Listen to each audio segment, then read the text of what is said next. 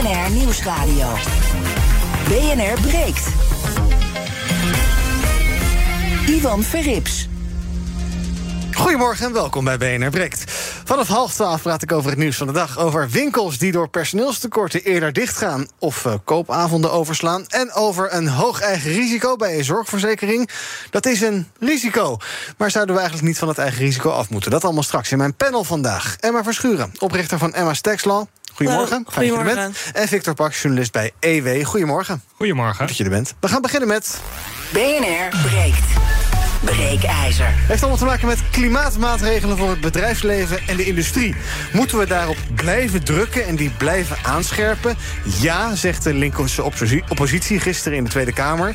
bij de begrotingsbespreking van het ministerie van EZK... He, Economische Zaken en Klimaat. Maar minister Adriaansen van het ministerie die gelooft daar niet in. Klimaatdoelen komen niet dichterbij met nog meer regels, zegt ze. Sterker nog, ze vreest dat bedrijven dan verhuizen naar het buitenland. En dat is nou net even niet de bedoeling. GroenLinks-Kamerlid Suzanne Kreuger die nam de minister gisteravond de maat en vroeg... Erkent de minister dat er meer nodig is? Dat als dit kabinet zijn dure belofte wil waarmaken op 60 procent... dat er meer nodig is. En dus ook van de industrie. Erkent de minister dat? Meer is nodig en dat is normering. Want anders gaat er alleen maar duur belastinggeld naar grote bedrijven.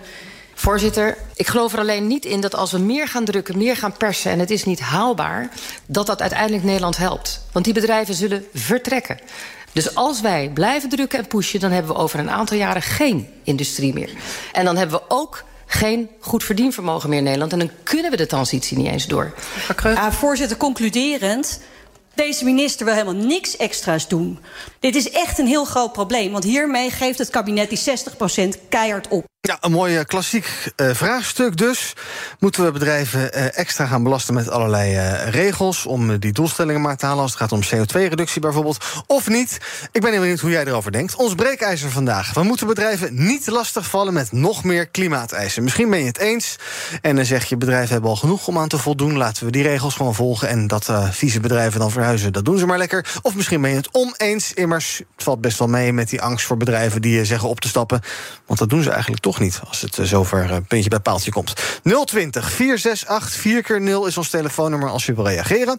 020 468 4 keer 0 Je kan ook van je laten horen via uh, onze Instagram-pagina. Daar heten we BNR Nieuwsradio. Maar het leukste is even bellen. 020 468 4 keer 0 Zometeen hoor je hoe mijn twee panelleden erover denken. Maar ik begin bij Ruud Koornstra, duurzaam ondernemer. Goedemorgen, Ruud. Goedemorgen. Fijn dat je er bent. Ja, het wordt een beetje een gewetenskwestie voor jou, denk ik. Ik hoor uh, duurzaam en ondernemer in één zin. Nou, dan ben ik benieuwd wat jij zegt op ons breekijzer. We moeten bedrijven niet lastigvallen met nog meer klimaateisen. Nee, en het is natuurlijk altijd genuanceerder. In zo'n Kamerdebat uh, wil je one-liners, die komen dan bij jullie op de radio. Zeker. Maar het ligt natuurlijk, ik ken de minister uh, en ook haar collega vrij goed. En die zitten er wat mij betreft goed in. Mhm. Um, kijk, ik ben uh, duurzaam ondernemer. Je deed de aankondiging al. En wat is dat dan normaal? Toen ik daar zo'n 25 jaar geleden mee begon, 23 jaar geleden. Toen was je ondernemer ben je schuldig. En een duurzaam ondernemer ben je ook nog een leugenaar. Mhm. Dat, is, uh, dat is vaak de combinatie van die twee. En ik denk dat dat wel aan het veranderen is. Nou moeten we ons uh, even, ik vind altijd even, waar komen we nou vandaan? De discussie, gaan die bedrijven dan weg? Is dan, ja, dan moeten ze wel heel ver weggaan. Want, uh, want binnen Europa hebben ze nergens iets beters dan Nederland. Wij zijn, uh, als je nou praat over dat, uh, dat je mag blijven uitstoten en dat wij het af en toe nog wel met een korreltje zout nemen, dan staat Nederland wat denk ik wel voorop. Dus we zijn wat dat betreft best goed voor vervuilende bedrijven nog. Mhm. Uh -huh. uh, ja, kijk om je heen. Wij zijn, en dat is niet een mening, maar een meting. Wij zijn het vieste jongetje van Europa. Dus dat, maar goed, dat is de negatieve kant. Uh -huh. ik, ik, heb een, en ik denk dat de minister dat ook wat meer bedoelt. We kunnen wel vanuit Den Haag regels bedenken en allerlei dingen gaan bedenken. Maar moeten we niet. Kijk, de afspraak die gemaakt is over de klimaatdoelen is met 193 landen gemaakt. He, dus het is niet iets wat, wat onze minister zit te bedenken. Dat is gewoon afgesproken uh, in 2015 en wordt aangescherpt. En ik had wat vrienden die waren vorige week in, uh, in Egypte bij de klimaattop. Die zeggen, we zijn nu aan, nog aan het praten, maar over twee jaar gaan we hier echt ruzie maken omdat we gewoon het water aan de lippen staat. Mhm. Wij voelen dat misschien in Nederland nog niet zo. Maar wereldwijd is dat wel zo. En ik denk, nou, uh, ik ben maar een simpele MKB-ondernemer. Ik ga ervan uit dat de wetenschap daar gelijk heeft. Dus we moeten daar iets tegen doen. Als je bij bestuurders van grote bedrijven vandaag vraagt. uh, vind je dat ze wat moeten doen? En heeft de minister, of heeft die, dat plafond, wat we, of die streep, of die normering, heeft dat zin? Dan zeggen ze vaak als mens heeft het wel zin, zeggen ze dan. Want ik ben het er wel mee eens, ik heb ook kinderen. Maar in mijn hoedanigheid als bestuurder, vaak van een buitenlands bedrijf, hè, want de grote, de grote vervuilers in Nederland zijn over het algemeen bedrijven waarvan de aandeelhouders in India, Egypte, Amerika zitten. Mhm. Om even. Uh, uh, Tata Steel is Tata, hè, dat is India. Daar zit hier een zetbaas. Die moet overleggen met zijn. Dus wat dat betreft is, zou ik iets anders willen doen. daar waar Nederland goed in is, is, is dat innovatieve, maar echt vernieuwende MKB bedrijven met ongelooflijk veel oplossingen. En dat is natuurlijk een beetje mijn, mijn paradeplaatje mhm. ook. Een praatje en, pa paardje. Um, koppelen aan die problemen die die bedrijven nu hebben, die moeten veranderen. Want die, doel, die doelstellingen veranderen niet. De manier waarop moet niet uit Den Haag komen. Daar hebben wij genoeg. Als wij, als wij onze kenniscentra, ons vernuft van Nederland op het gebied van universiteiten en hogescholen en het MKB inzetten, ja. dan kunnen wij gewoon die doelen halen. En dan worden wij koploper. En dan wordt het een exportproduct in plaats van dat het bij ons wegloopt. Maar ja, Ruud, je zegt net die boardrooms, die, ja, die, die mensen die erin zitten als individuen willen ze wel. Maar ja, eh, als uh, uh, vertegenwoordiger van hun bedrijf zeggen ze allemaal moeilijk, moeilijk, kost geld. Ja, poe, aandeelhouders. Ja, nou, ja, nou, daar gaan we nou, dus. money talks. als duurzaam stopt bij de eerste vier letters, is het niet duurzaam. Dus, en ik predik dat ook al een tijd. En ik krijg altijd weer gelijk. Het duurt even. Eerst ben ik het gekkie en dan krijg ik weer gelijk. Maar duurzaam, als je het op de slimme manier doet, dan is het niet duurder, is het zelfs goedkoper. Dus ook in de oude manier van denken, op de oude PNL denken, kan je gewoon geld verdienen. Blijkt nu maar weer wat er gebeurt. Alle mensen die nu een elektrische auto hebben, die nu uh, de zonnepanelen op hun dak hebben, mhm. die zijn spekkoper. Mm. dat, dat is gewoon, en, en dat is steeds meer zo. Oké, maar als dus even plat... laten we dan opletten dat het een conservatieve sector is, die de bezuidenhoudse wet oversteekt naar een ministerie, ja. daar lobbyt op de ouderwetse manier. Dat is vernieuwing. Dat is geen vernieuwing, dat is innovatie. Het beter doen dan we doen met dezelfde middelen. Mhm. Maar ik zou zeggen, hier moeten dingen helemaal veranderen. En er zullen ook sectoren, of in ieder geval bedrijven, gaan stoppen te bestaan in een nieuwe wereld. Toen, de, toen we van paard en wagen naar auto gingen. Toen zijn er heel veel hoefsmederijen overhoop, die zijn failliet gegaan. Want binnen twaalf jaar was er geen paard meer te bekennen. Ja. Als attractie, maar niet meer voor het vervoer. En, en, maar die mensen hebben allemaal weer een andere job. Dat zijn autobedrijven geworden, dat zijn, weet ik veel. Maar er is natuurlijk wel verandering gaande. Er moeten niet bang zijn dat er een keer een bedrijf niet meer blijft bestaan. Omdat het niet meer past uh, in, in deze tijd. Oké, ik, uh, als ik het een beetje plat, plat probeer te slaan, zeg je... Uh, ja, we moeten er heel veel aan doen... maar misschien niet op de klassieke manier zoals we dat tot nu toe deden. Daar wil ik zo meteen even met je over doorpraten. Ook welke bedrijven dan gaan verdwijnen, hoe dat eruit ziet... of dat dan erg is. We zijn nu in een soort compensatiesamenleving... waar alles oneindig omhoog wordt gehouden en gecompenseerd. Nou, misschien moeten we er ook eens mee stoppen dan. Eerst even een rondje in het panel. Ons breekijzer dus vandaag. Ehm, we moeten bedrijven niet lastigvallen met nog meer klimaateisen. als je trouwens thuis wil reageren of in de auto... pak je telefoon, nou ja, niet fysiek maar druk het in op je scherm of zo. 020 468 4 keer 0 is ons nummer. 020 468 4 keer 0 um, Victor, wat vind jij? Ik ben het eens met de stelling. Kijk, een collega van mij vorig jaar voor EW een onderzoek gedaan onder de 20 grootste uitstoters in Nederland. Mhm. En daar stikt het eigenlijk van de plannen om die uitstoot te verminderen. En dat zijn niet alleen plannen, dat zijn ook investeringen die nu al gedaan worden. Als je bij Shell en Pernis kijkt, bij Gemelot in Limburg, mhm. dan zie je dat die plannen steeds meer realiteit worden. Uit dat onderzoek blijkt dat de uitstoot die ze nu hebben in 2030, dus aan het eind van dit decennium, al is gehalveerd. Dan zou Den Haag natuurlijk kan meer van die bedrijven vragen. Ja. Maar je moet, denk ik, in Den Haag een precaire balans zoeken naar die bedrijven toch aanzetten om dan nog meer te doen, mhm. maar ze daarin ook in ondersteunen. Want inderdaad, het, het risico is, en ik denk dat dat heel wezenlijk is, is dat ze gaan verhuizen. Want het kan elders goedkoper, dat zien we altijd. En het kan ook veel makkelijker met veel meer uitstoot in vooral Azië. Dus je, en je wil die industrie, tenminste dat is mijn overtuiging, je wil heel veel industrie wel hier houden. Bijvoorbeeld een kunstmestproducent is toch prettig dat we hier hebben, want we gebruiken het ook volop. We verdienen daar niet alleen geld aan, maar het is ook belangrijk dat we dat soort dingen nog hier in Nederland maken. Dat we niet totaal afhankelijk zijn van onbetrouwbare landen ver weg waar het ook nog eens veel viezer gebeurt. Ja. Nee, jij noemt Shell bijvoorbeeld. Uh, die, die, maken natuurlijk graag reclame met al hun groene ambities en dergelijke. En daar investeren ze ook miljarden in. Maar ze investeren een veelvoud in nog gewoon het klassieke uh, verdienmodel wat ze doen. Je zou kunnen zeggen, bouw dat eens wat sneller af. Ja, hier in Nederland proberen ze dat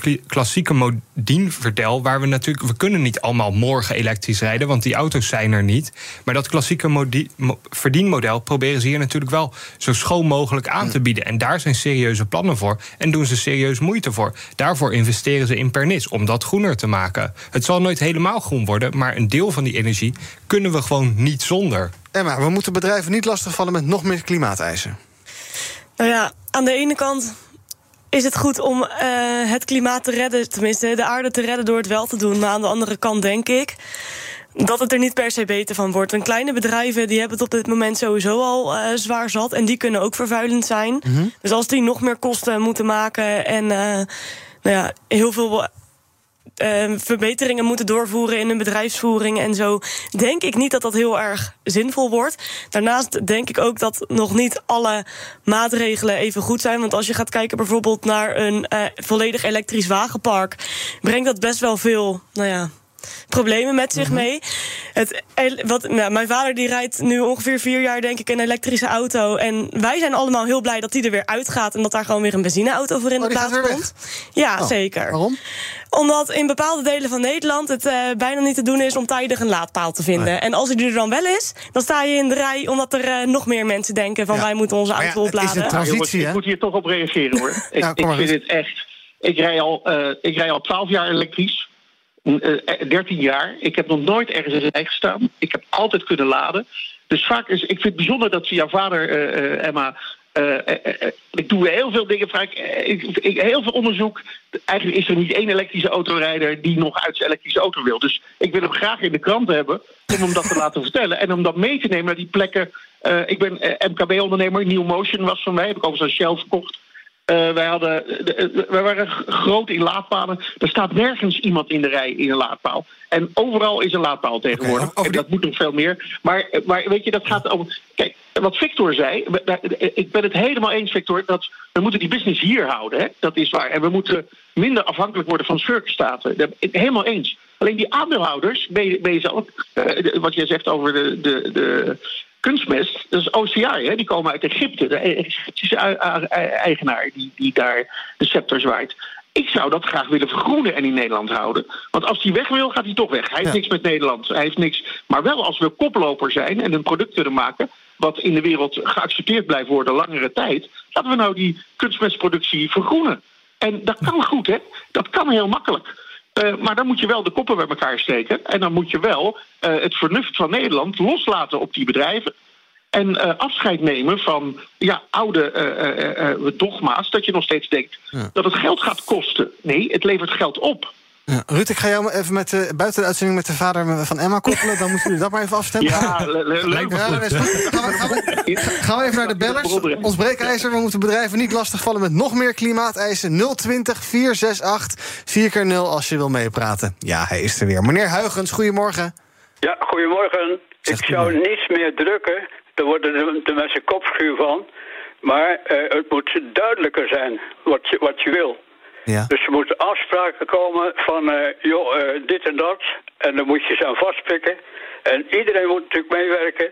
Want de sterken die, eh, die zijn het sterkst om eronder uit te kruipen. Ja. En dan straks blijft de zwakste en die krijgt alles op zijn nek. De boeren bijvoorbeeld. Hè. Dus maak duidelijke afspraken. Niet over bedrijven, maar met bedrijven. En doe er een datum bij van wanneer kan jij dit en dat bijgedragen hebben. Allemaal bijdragen, maar kortere en krachtige afspraken maken... waar ze later aan te houden zijn over een paar jaar. En helder dus in ieder geval. Dank voor het bellen. Henk, goedemorgen. Goedemorgen. Zeg het maar. Eh, ik denk dat je eh, eh, niet moet uh, normeren, maar dat je moet stimuleren. Mhm. En ehm, ik denk de bedrijven die het eh, die niet willen verduurzamen, eh, eh, die komen op den duur lopen ze achter. En die zullen dan of gaan omvallen of kijken naar de bedrijven die wel verduurzamen en denken van hé, hey, het levert mij dus wel wat op als ik ga, ga verduurzamen. En dan zul je zien dat de, de, de markt uiteindelijk zelf gaat inzien dat het wel helpt om te, te verduurzamen. Dus wanneer je bedrijven stimuleert om te verduurzamen met subsidies, eh, of als bedrijven plannen indienen dat je daar subsidies op gaat eh, geven. En ik denk dat dat uiteindelijk doorloopt eh, naar de bedrijven die het nu nog niet willen, maar uiteindelijk wel kunnen zien dat het beter is en uiteindelijk uit zichzelf gaat verduurzamen. Duidelijk. En dat het dus een zel- zelfregulerende werking heeft. Ja, ik denk, ik denk echt dat dat gaat gebeuren. En ik denk dat Nederland dat in het verleden ook al heeft laten zien dat dat op die manier werkt. Dank. Dus ik, ik, ik denk dat dat kan. Dankjewel, Henk. Frodo, goedemorgen. Hey, goedemorgen, Iwan. Eh, leuk weer in de uitzending te zijn. Maar eh, ja, die bedrijven moet je eh, met rust laten. Maar de burger moet je niet met rust laten. Want namelijk, die bedrijven maken spullen voor ons, voor ons burgers. Wij vervuilen. Bedrijven vervuilen niet. Shell maakt geen enkele liter benzine voor zichzelf. Dat doet hij voor ons. Dus als wij wetgeving maken op een liter benzine, dan wordt het indirect voor een bedrijf lastiger. Of voor een vervuilende televisie. of zeg maar meer eh, biobased circular materiaal bevoordelen, dan kiest het bedrijf vanzelf. Dan hoef je niet dat dwingen met van jullie mogen wel blijven, jullie niet. Dus bepaald- Geen bedrijven pesten, geen bedrijven pesten, maar particulieren pesten. Ja, uiteindelijk wel. En over de kunstmest trouwens, dat hij eh, zo nodig hier moet blijven. Ik ben zelf eh, kweker. We kunnen uitstekend zonder kunstmest. Die kunstmest kost 5 liter per eh, kilogram gemaakte zuivere stikstof. De stikstoffabriek. Daar kun je echt prima. Want kunstmest is echt het vergif voor de bodem. Moeten we gewoon niet willen. Daar kunnen we heel veel gas mee besparen. Dankjewel, Frodo, voor je bijdrage. BNR breekt. Ivan Verrips. Met in mijn panel vandaag Emma Verschuren van Emma's Tax Law... Victor Pak, journalist bij EW... en ook bij me is Ruud Kornstra, duurzaam ondernemer. Ik zag op je LinkedIn-pagina geloof ik dat je wel 17 actieve functies hebt nu, Ruud. Ja, ik ben een lopende eh, lobbyist voor MKB Nederland. Mijn. Voor, eh, en voor de verduurzamende transitie. Ja. Om dat dogma dat het geld kost en pesten is, maar weg te krijgen. Ja. En eh, nou, ge- geef een, vraag. Ik, ik, ik, ik heb een hoop voorbeelden van collega-bedrijven. Nu bij Tata Steel, een bedrijf wat pompen en motoren aan elkaar koppelt, waardoor je 35% energie bespaart. Het enige nadeel daarvan is dat je niet elk jaar onderhoud hebt, maar elke zeven jaar. Dus degenen die die moeten installeren, die denken ja. Dat kost toch wel weer. Dus we zijn vaak pennywise pound foolish bezig. Als we nou, als we nou die hele keten pakken. We hebben mensen tekort. We moeten die mensen reshuffelen naar die nieuwe wereld toe. En dat kunnen we in Nederland zo goed. We, we zijn klein genoeg. Hè? We zijn een dubbelbevolkte gemiddeld grote stad. Wij kunnen dit met elkaar organiseren. En dan ook in die transitie niet dat zien als een grote opgave. Maar om daar gewoon wereldkampioen in te worden. Ruud, Want met voetbal twijfel ik of we dat gaan worden. Nou. Gisteren het Kamerdebat kwam eh, Suzanne Kreuger van GroenLinks. Die had wat berekeningen en die zei... ja, eh, als we de huidige klimaatmaatregelen eh, meenemen... dan komen we op 39% emissiereductie in 2030. Terwijl doelstelling is, nou ja, eh 55 en eh, om eh, het liefst 60. Nederlandse overheid heeft zelfs 60% Ja, precies, exact. Dus, dus wat denk jij? Jette die heeft een schatting van ergens tussen de 41 en 52 procent. Nou, dat is nogal een bandbreedte. Daar komen dan nog wat maatregelen bij. Wat, hoe optimistisch ben jij over die, eh, die 2030 doelstellingen of Nou, pessimistisch? ik ben zeer optimistisch. Ik denk dat we hem ruim gaan halen. Eh, ik ben zelf eh, in al die functies coördinator van SDG 7. Dat is betaalbare, nagenoeg gratis, duurzame energie voor iedereen in 2030.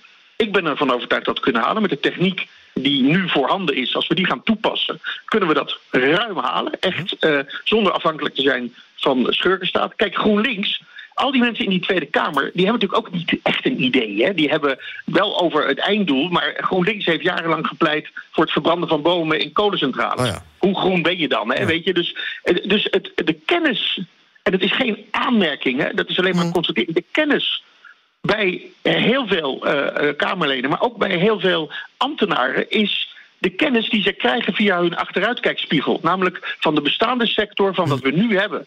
Maar er zijn maar weinig mensen die doorhebben wat er allemaal al klaar staat. Hè? De verwondering, eh, toen wij al die grote doelen met elkaar afspraken, toen zei Bill Gates in 2016, hè, een goede MKB-ondernemer trouwens, die zei: ik, ik, ik, als we die doelen willen halen, kunnen we maar één ding doen en ze hopen op een wonder. En toen dacht ik, wat flauw. Maar later ging hij uitleggen wat een wonder was. Vlak voordat er penicilline was, was een pil waar alles tegen was, eh, was het een wonder. Vlak voordat het wiel er was, was het een wonder. En er ging ooit een Engelse ondernemer, 450 jaar geleden, naar de hoogste admiraal van het Engelse leger. En die zei, ik kan voor jou een schip bouwen, wat zonder zijde tegen de wind in kan varen. En toen zei die admiraal, dat is een wonder. Ja. Nee, dat is een stoomboot. Ja. Wij zijn het land van de wonderen. Wij hebben de vernieuwing. Dat is die andere 50% van de innovatie. Hebben wij in onze handen hier. We moeten ze alleen gaan implementeren. En Ja, en ik hoop maar- een beetje dat de minister dat ook bedoelde. Van we moeten niet blijven drukken op die oude dingen en nog meer eruit Mhm. persen. Nee, we moeten die vernieuwing aan boord zetten. Waardoor die bedrijven hier willen blijven. Sterker nog, waardoor het een, een land wordt dat er nog veel meer bedrijfsleven hier naartoe komt. En maar En ik ben het overigens wel eens met die kunstmestdiscussie. Eh, eh, we, we moeten ook in de landbouw het anders gaan doen. Dat betekent ook systeemveranderingen en niet meer nou ja, de grond vergiftigen. En maar gisteren in het debat ging het ook over eh, eh, subsidies naar eh, bedrijven, eh, groene subsidies. Daar was dan ook wel weer dat. eh, want aan de ene kant willen die, die linkse partijen willen dan dus graag eh, meer maatregelen. Maar ze willen dan weer niet subsidies, want die komen dan terecht bij grote bedrijven. En dat willen ze ook weer niet. Ja, ik Ja, kan er niet nou, alle- nee, het even, wil ik even, wil ik even Emma voorleggen. Oh, sorry. Emma. Ja, ehm het, wat, eh sorry, Vind- vind- vind kan je de vraag eh, Ja, nog nee, vind, vind, je het, bezwaarlijk dat je aan de ene kant zegt... eh, we willen graag bedrijven dat die groener worden... maar dat kan niet met subsidies, want dat komt dan bij grote bedrijven terecht. Ja, dat is toch gek. Dan als je bedrijf wil helpen, dan, dan, ja, dan moet je er toch geld over maken. Nou ja, de makkelijkste manier om bedrijven te stimuleren is altijd via belastingen. Dus of een belastingverlaging of subsidies. Dus in dat opzicht is dat wel de manier. Maar ja, als je niet wil dat het bij de grote bedrijven terechtkomt, omdat je vindt dat die het zelf moeten kunnen betalen, ja, Ja. dan eh, ja, wordt het misschien een beetje lastig. hoor, alle subsidies afschaffen. Oh. Alles afschaffen. Er gaat 7 miljard subsidie naar de fossiele industrie Mhm. in Nederland nog steeds. 7 miljard per jaar subsidie naar de. Er, gaat ook, eh, er verdwijnt ook heel veel. Dat bedrijven gaan op een subsidieregeling een, een plan schrijven. Laten we daar nou mee ophouden. We- Weet je wat we moeten doen? De, de overheid moet bestellen. De overheid is de grootste inkoper van, van het land. Ja. Die moet gewoon bestellen. Bestel het product wat je wil hebben. En betaal daarvoor. Betaal er misschien ietsje meer voor. Maar bestel producten. In plaats van subsidiëren. Ik heb aan die klimaattafels gezeten. Miljarden vlogen daar naar de fossiele industrie. En het ging over landje pik. Wie kan de meeste miljarden naar zich toe trekken? Ja. Het ging wel niet over de inhoud, wat mij betreft. Dus eh, ik zou me omdraaien. Ik ben het eens. eh, eh, als je het afschaft, dan, dan, wordt het, dan wordt het speelveld ook helder. Victor, ben je net zo positief als Ruud? Ik, vind het, eh, ik ben altijd, word altijd heel blij als ik met Ruud praat. Want dan denk ik altijd, het komt, al, het komt toch allemaal goed, uiteindelijk. Ja, dat is zeker. Beloof Nou ik ja, ik, ik, ik zit ook wel op die lijn dat ik denk, als je kijkt hoe snel de vooruitgang gaat, als je kijkt hoeveel beter zonnepanelen zijn geworden de afgelopen vijf jaar. En niet alleen beter, ook een stuk goedkoper voor de consument. Als je daarnaar kijkt, is het die investering, die terugverdientijd begon ooit, ik meen bij acht, negen jaar. Ik geloof als Nee, je het was, zelfs, het was zelfs nog 18 jaar, weet ik. Maar Ja, we nou, zitten nu nu- rond de 5, 6. Hè? Nu zitten we op, op vijf jaar. Als ik, het, als ik naar mijn eigen huishouden doorreken, ze komen eind december, Ja. dan is het vijf jaar. En als de, als de prijzen nog iets, iets, iets eh, stijgen, Ja, lekker dan wordt het vier, lekker- lekker hoog blijven, Vier, ja. ja, vier en een half jaar. Ja, maar Ja. dat maakt het wel interessant. En dat is wel wat, wat Ruud zegt. Schaf die subsidies af. En dan ga je kijken, waar ben je het voordeligst mee uit? En steeds vaker is dat met groene of duurzame oplossingen. En zo moet je in, innoveren. Maar bijvoorbeeld bij die zonnepanelen heb je daar ook gewoon een btw-voordeel. Want je hoeft geen btw te betalen over de zonnepanelen. En dat is dan ook wel weer dus een stimulatie van de overheid Mhm. met belastinggeld. Want als zij die btw er wel op zetten, dan worden die zonnepanelen 21% duurder. En dan, duurt het dus ook nog langer voordat het terugverdiend is. Dus Dan komt er voor mij een jaar bij. Dus dan, lo- dan Ja. loopt die terugverdientijd gaat van vijf naar zes jaar. Nou ja, en ik weet niet hoe lang mensen gemiddeld in hun huis blijven wonen, maar zeg dat is tien jaar of zo. Dan hou je er dat dus voor jezelf uit. Plus je geeft het degene aan wie je het verkoopt ook nog mee. Je, je waarde van je huis Mhm. stijgt. Dat helpt allemaal mee. wat, is de, wat is de huidige terugverdientijd op je energierekening? Dan zit iedereen mij een beetje appelig aan te kijken. Ja, die is er niet. Nee, dus nul, Of ja. zou het tien jaar zijn. Hè? Je, je krijgt hem terug. Het is meteen schoon.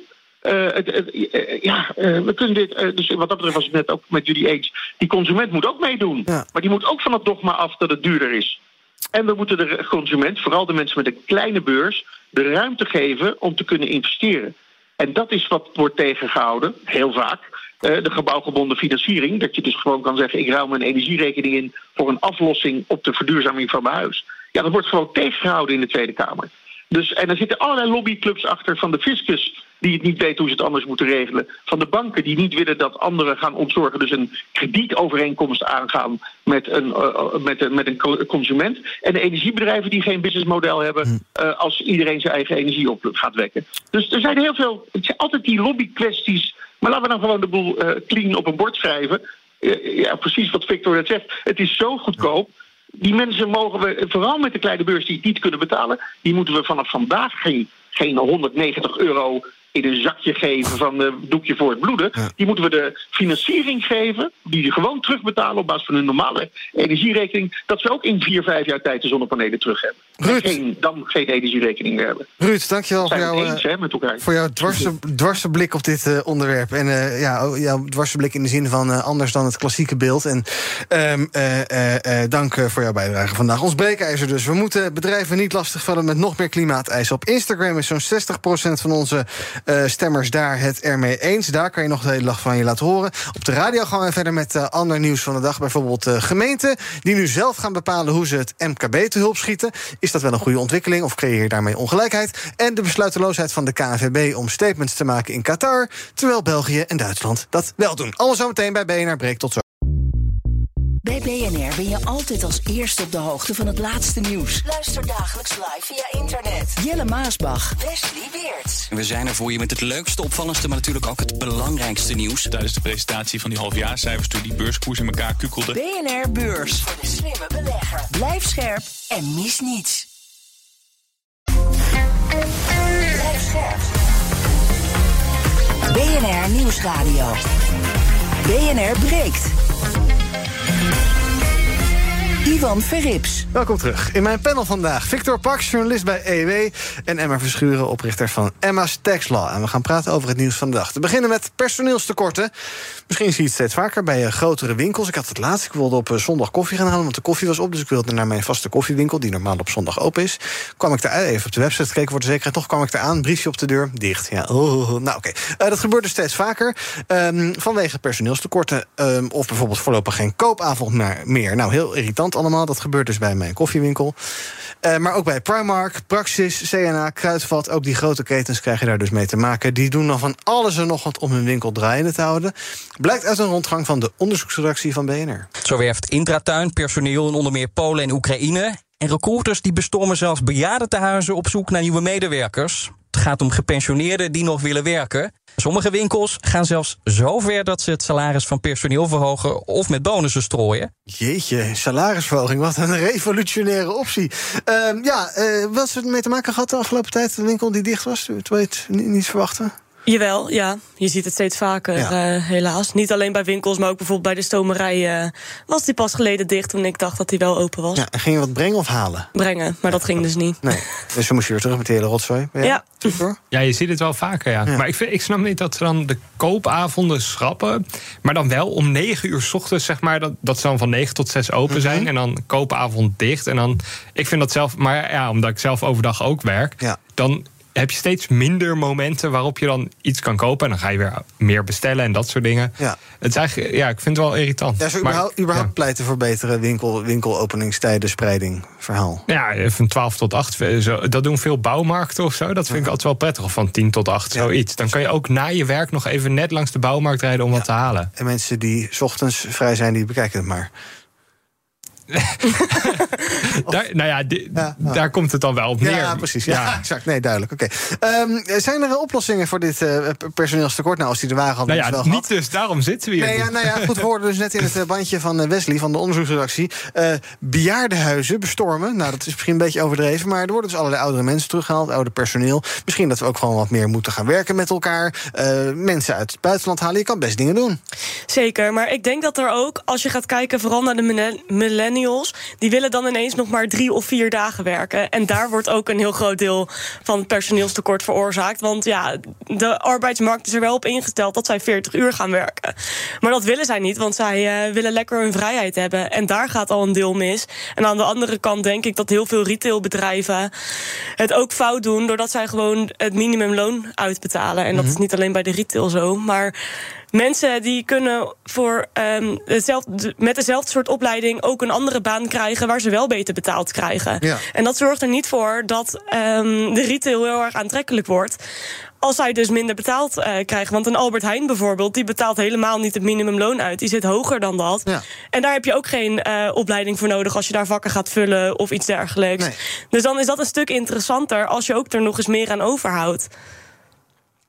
Dus ja, die loonsverhogingen, ja, het klinkt heel leuk, maar ik denk dat het juist gewoon nodig is dat die winkels gewoon van het minimumloon af gaan stappen. Ja, dat is een goed idee dan dus. Uh, nou, bijvoorbeeld Specsavers zie ik hier op bnr.nl. Die heeft de salarissen dan verhoogd met 5%. Gaf mensen een eenmalige bonus. Nou, werkt misschien een beetje, zou kunnen. Um, uh, heb jij nog uh, briljante ideeën om dit probleem te tackelen? Nou ja, ik, ik, ik wat, wat, vind, wat, vind, je van de, van de oproep dat je zegt van joh, 40 uur moet gewoon een norm worden? Dat geouwe hoer met 24 uur. Ja, daar ben ik mee eens. Kijk, onze hele belastingstelsel is erop ingericht om zeg maar parttime werken te subsidiëren. En ja, zo'n voltijdsbonus, ik geloof dat die ook inmiddels al onderuit is gehaald, omdat dat niet het gewenste effect beoogt. Maar ja, ons hele belastingstelsel is daarop ingericht. Dus er is veel te weinig prikkel om gewoon fulltime te werken. Ja, en als, als mensen dat echt niet meer willen en dan, dan kom je dus uit op waar, waar, we het net over hadden. Hm. Dan hebben sommige mensen gewoon problemen. Ik heb dat s'avonds als de winkels dicht zijn. Nou ja, in mijn voorstel, dan hebben mensen die ochtends vrij zijn weer problemen. Ja, dan ga je daar naartoe. En dat merk je nu dus ook al. Winkels zijn gewoon dicht wanneer je ze eigenlijk wel even nodig hebt. Ja, ja en het is ook lastig, denk ik, dat er heel veel vrouwen kinderen krijgen. en dat dan, nou ja, nee, dat niet oh. per se. Maar um, die kinderen moeten naar de kinderopvang toe. Alleen als die vrouw gaat werken, verdient zij precies het geld wat de kinderopvang kost. Dus waarom zou je je kinderen naar een kinderopvang gaan brengen, er zelf geen euro extra aan overhouden, terwijl je ook zelf je kinderen kan opvoeden. En dat je dan precies net zoveel geld in je portemonnee houdt. Ja, en dan gaan we de kinderopvang halfbakken gratis maken, maar ook niet helemaal. Ja, dat is ook. Ik weet, ik weet ook niet wat daar de oplossing voor meer vindt. meer vraag voor de kinderopvang komt, terwijl daar ook al een personeelstekort is. Ja. Dus... Ja. Oké, we zijn het probleem nu aan het vergroten. Ja, ik weet ook niet per se of het de oplossing is, maar er moet wel naar gekeken worden. Hoeveel uur werk jij per week, Emma? Um, ja, 38, 40. Maar ik volg er nog wel een studie naast. Hè. Dus, dus, niet, dus het, het, is geen, uh, nee, okay. het is net geen fulltime, denk ik. Maar ja, ik ben wel lang bezig. Zit met jou? Wij hebben zo'n uh, standaard CAO 36 uur contract. Oh, maar nou, heerlijk, heerlijk. Ik bedoel, het is niet dat ik 36 uur per week werk, was het maar zo. Meer? Ja, tuurlijk. Ja. Nou, nou hoeveel dan? Nou ja, ik, ik tel schrijf, ze niet. Schrijf je al die overuurtjes? Nee, wat moet je daarmee? Ja, dat nou, komt... betaald krijgen, dat, dat zet dus geen zoden in de dek. Okay. Nee. Vakantie opnemen extra. Ja, dat werkt gewoon niet. Want ik, dan moet je het iedere keer bijhouden. En ik heb nooit tijd om, om het op te lossen. Het is gewoon structureel overwerken. En dat hebben heel veel Nederlanders. Dat hoort er een klein beetje bij, maar je moet daar een goede balans in vinden. Dat is wel Mhm. zo. Ander nieuws van vandaag. Bijna 4 op de 10 Nederlanders kiest dit jaar, of eigenlijk voor het komende jaar, voor het hoogst mogelijke bedrag aan eigen risico bij hun zorgverzekering. 885 euro is dat. Vorig jaar deed dat nog geen 30% dat, nu dus 40% Dat was jaren geleden nog lager. Eh, experts zeggen in het AD dat ze zich zorgen maken om die stijging. Onder andere omdat een groot gedeelte van de Nederlanders geen extra potje aanhoudt om dat eigen risico te betalen, mocht het nodig zijn. Als je je eigen risico verhoogt van 3,85 naar 8,85, dan levert dat op jaarbasis, als je de premies doorrekent, een winst van 200 nog wat euro op. Nou, dat is natuurlijk best leuk. Maar dan moet je niet ziek worden, Emma. Nee, daarom heb ik ook mijn eigen risico gewoon zo laag mogelijk. Ja, terwijl misschien, ik weet niet, ik hoef ook niet per se te weten, maar misschien kan je, het prima betalen als het nodig is. Maar, Ja, maar eh, mijn eigen risico gaat er jaarlijks doorheen. Dus ik zou nou alleen maar goed, dan, die moet je- dan, dan ben je niet van je eigen portemonnee. Ja. Eh, ik heb al jaren het hoogste eigen risico. Ik denk als ik ziek word, ja, die 800 euro die kan ik dan wel ophoesten. En waarschijnlijk kan je het ook wel een delen betalen als het nodig is. is het, eh, maak jij je zorgen inderdaad dat mensen daarmee in de problemen kunnen komen? Nou ja, wat het probleem hierbij is, denk ik, dat ehm, vooral de mensen met het minste inkomen. Juist die over dit soort keuzes eh, heel erg gaan nadenken. En die hebben dan dus ook geen buffer. En dan krijg je wel een probleem. Ja. Dus ja, al zouden het mensen zijn, net zoals jij, die het geld gewoon zouden hebben liggen als er iets gebeurt, Mhm. dan is er geen eh, nood aan de man en dan zou het nou ja, niet zo erg in het nieuws ook komen. Alleen het zijn nu de verkeerde mensen eigenlijk Ja. die dit doen. En die komen daardoor in betalingsproblemen. En ehm, nou ja, dat moet je ook niet willen. Dat zij zich in de schulden werken omdat ze toevallig een keer ziek worden, wat ze niet hadden bedacht. Voorzien. Nee, Victor, moeten we niet gewoon van het hele eigen risico af? Eigenlijk. Want het zorgt er misschien ook voor dat mensen denken van ja, ik voel wel wat, maar eh, ik heb geen zin om de hoofdprijs te gaan betalen. Dus ik ga wel even niet naar de dokter. Hm. Je bedoelt dat die zorg met ook al een schreeuwend personeelstekort nog makkelijker toegankelijk moet worden, terwijl het al extreem toegankelijk is? Goeie vraag. Maar voor, Dat- voor dat- veel mensen is 385 euro veel geld. Laat staan 885 Maar, euro. maar de zorg is een van onze grootste kostenposten in dit land. 100 Die stijgt nog maar verder. Het, dat gaat ergens wringen. En dat is hier, zeg maar. Ja. En als je dan dat eigen risico... Ik weet, dat is een heel eh, grote linkse wensdroom. Maar dat eigen risico schrappen gaat echt alleen maar de problemen verhogen. We houden, dan gaan de premies Korte uiteindelijk... termijn of op lange termijn? Want als je met een beeldje thuis zit en je denkt van ja, ik zou eigenlijk naar het ziekenhuis moeten, maar ik doe het maar even niet. Nou, dan eh, is het heel fijn. Ja, als je, maar dat zijn toch. Daar- Dan, je kan, de huisarts valt niet onder het eigen ri- risico. Dus je kan altijd bij een medisch expert checken of je daadwerkelijk door moet naar, naar het ziekenhuis. Maar zijn eigen risico vind jij op zich wel prima te Ik vind het heel logisch, ja. En dat mensen ervoor kiezen om hem zo hoog mogelijk te maken... om een beetje te bezuinigen op, op, op je premie in de maand. Dat is een heel, ik vind dat juist een heel goede prikkel. Maar je moet dan wel zelf nadenken of dat verantwoord is voor jouw situatie. Ja. Ja, een ongeval zit ook in een klein hoekje natuurlijk. Ja, kijk, Dus, ik weet net eh, als Emma dat mijn eigen risico er jaarlijks doorheen gaat. Dus voor mij bestaat die prikkel niet. Maar mijn vriendin is blakend van gezondheid. Nou, die zou dat prima kunnen doen. Ja. Ik moest afgelopen jaar naar de endodontoloog. Dat de wat? Het eh, wortelkanaalbehandeling ingewikkeld. Ja, Oh, arme jongen. allemaal zelf betalen. Arme jongen, Ik letterlijk, ik een qua pijn. geleerd, En denk ik. Ik ben het nog het afbetalen. Bij BNR ben je altijd als eerste op de hoogte van het laatste nieuws. Luister dagelijks live via internet. Jelle Maasbach, Wesley Weert. We zijn er voor je met het leukste, opvallendste, maar natuurlijk ook het belangrijkste nieuws. Tijdens de presentatie van die halfjaarcijfers toen die beurskoers in elkaar kukkelde. BNR Beurs. Voor de slimme belegger. Blijf scherp en mis niets. BNR We gaan kijken naar wat jullie op is gevallen in het nieuws eh, vandaag en de afgelopen dagen. Victor, jij wil het hebben over een initiatief van eh, Europese gemeenten om Oekraïne de winter door te helpen. Die is daar begonnen een paar eh, nou, dagen eigenlijk al. Ik zag gisteren Kiev, schommelt een beetje rond het vriespunt. Ehm, en het dreigt daar geen hele fijne winter te worden. Het wordt geen fijne winter zolang Rusland daar doelbewust burgers terroriseert. Door eigenlijk alle energievoorzieningen, waterkrachtcentrales, maar ook de, de, de voorzieningen voor schoon drinkwater. eh, gewoon kapot schiet met raketten. Het is echt een gruwelijke manier van oorlogsvoeren. Die volgens mij ook eigenlijk buiten het boekje gaat. Maar goed, ja, wat doe je tegen zo'n schurkenstaat? Niet zoveel. Maar ik vond het, het initiatief van inderdaad vooral Europese steden... om noodaggregaten richting Oekraïne te sturen. Ik zag, Japan gaat bijvoorbeeld zonnepanelen extra doneren. Nou ja, misschien 's winters heb je daar niet zoveel aan... maar in het voorjaar straks wel. Nou, Europese steden kijken ook wat ze over hebben... en dan kunnen sturen om een soort noodvoorziening... voor Oekraïnse steden ja, overeind te kunnen houden. Want die Russen gaan... gaan door met het kapotschieten van die energievoorzieningen. Ja, een paar noodaggregaten zijn wat moeilijker te raken. Dus ik vond het een heel mooi initiatief vooral. Ja, en je kan dan misschien wel eh, eh, honderden miljoenen blijven sturen, wat je vast ook moet doen. Maar ja, dat helpt natuurlijk niet tegen als het de dag later allemaal weer naar de kloten wordt geschoten. Precies, en ik dacht, dit is een mooi voorbeeld van noodhulp die volgens mij heel effectief kan zijn voor dit soort steden. Want je ziet, ehm, gisteren dan in Kiev zat weer een groot deel zonder elektriciteit. Ik geloof dat deze ochtend al wat verbeterd is. een beetje hersteld. Maar er zijn gewoon geregeld nu blackouts door die Russische terreur, zo kan je het denk ik wel noemen. Ehm, en dan denk ik dat dit soort toch relatief simpele acties inderdaad wel heel veel kunnen betekenen voor, voor de inwoners daar. Ja. Denk je dat er nog een soort eh, solidariteit komende eh, winter komt met eh, nou, ook inwoners in Europa? Want ik zag ook foto's voorbij komen van Kiev van deze ochtend of gisteravond. Totaal donkere stad. Enige Ja. lichtjes die je af en toe ziet, dat zijn wat autokoplampen en misschien iemand die een kaars in een raam heeft staan. Ja, de verhalen die je hoort, je, moet je, je moet er niet aan denken dat je daar zit in die tijd. En nou ja, ik zal niet zeggen in de zomer is het nog wel uit te houden, maar ja, de winter, we zien ook waarschuwingen van de Wereldgezondheidsorganisatie die zegt ja, koud weer zorgt gewoon voor doden. Mensen gaan gewoon Ja. doodvriezen. Precies. Nou, en daarom vind ik het ook belangrijk om dit, wat ik een mooi initiatief vind, te benoemen.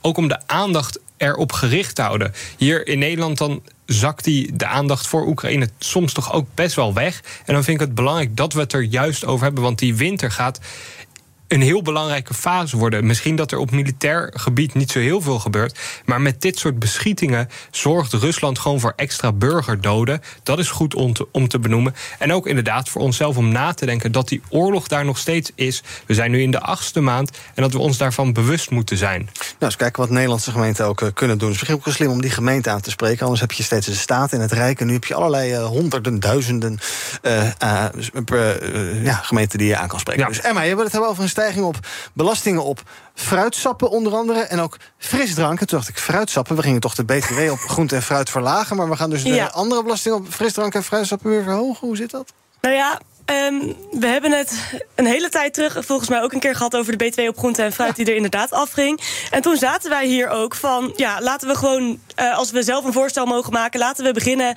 met gewoon de stukken fruit die je vers kan pakken en eventueel ook uit de diepvries. Maar bijvoorbeeld met appelmoes zou het heel moeilijk worden. Nou, blijkbaar ehm, zijn ze in de discussie van hoe gaan we de BTW op groente en fruit verlagen een stap verder. Want appelmoes zal dan dus ook niet eh, BTW-vrij worden op het moment dat je fruitsappen wel gaat belasten ehm, met extra belasting.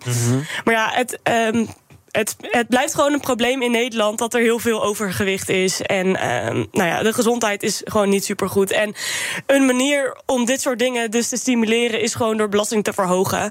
Door te, te zorgen dat, er, ja, dat het minder aantrekkelijk is om die dingen te kopen. Zo Ja. kan je gewoon heel makkelijk consumenten beïnvloeden. Maar wat vind je ervan? En nou, nou ja, ik dacht toen ik het eh, artikel las. Van ook, of tenminste, toen ik de kop las, dacht ik van.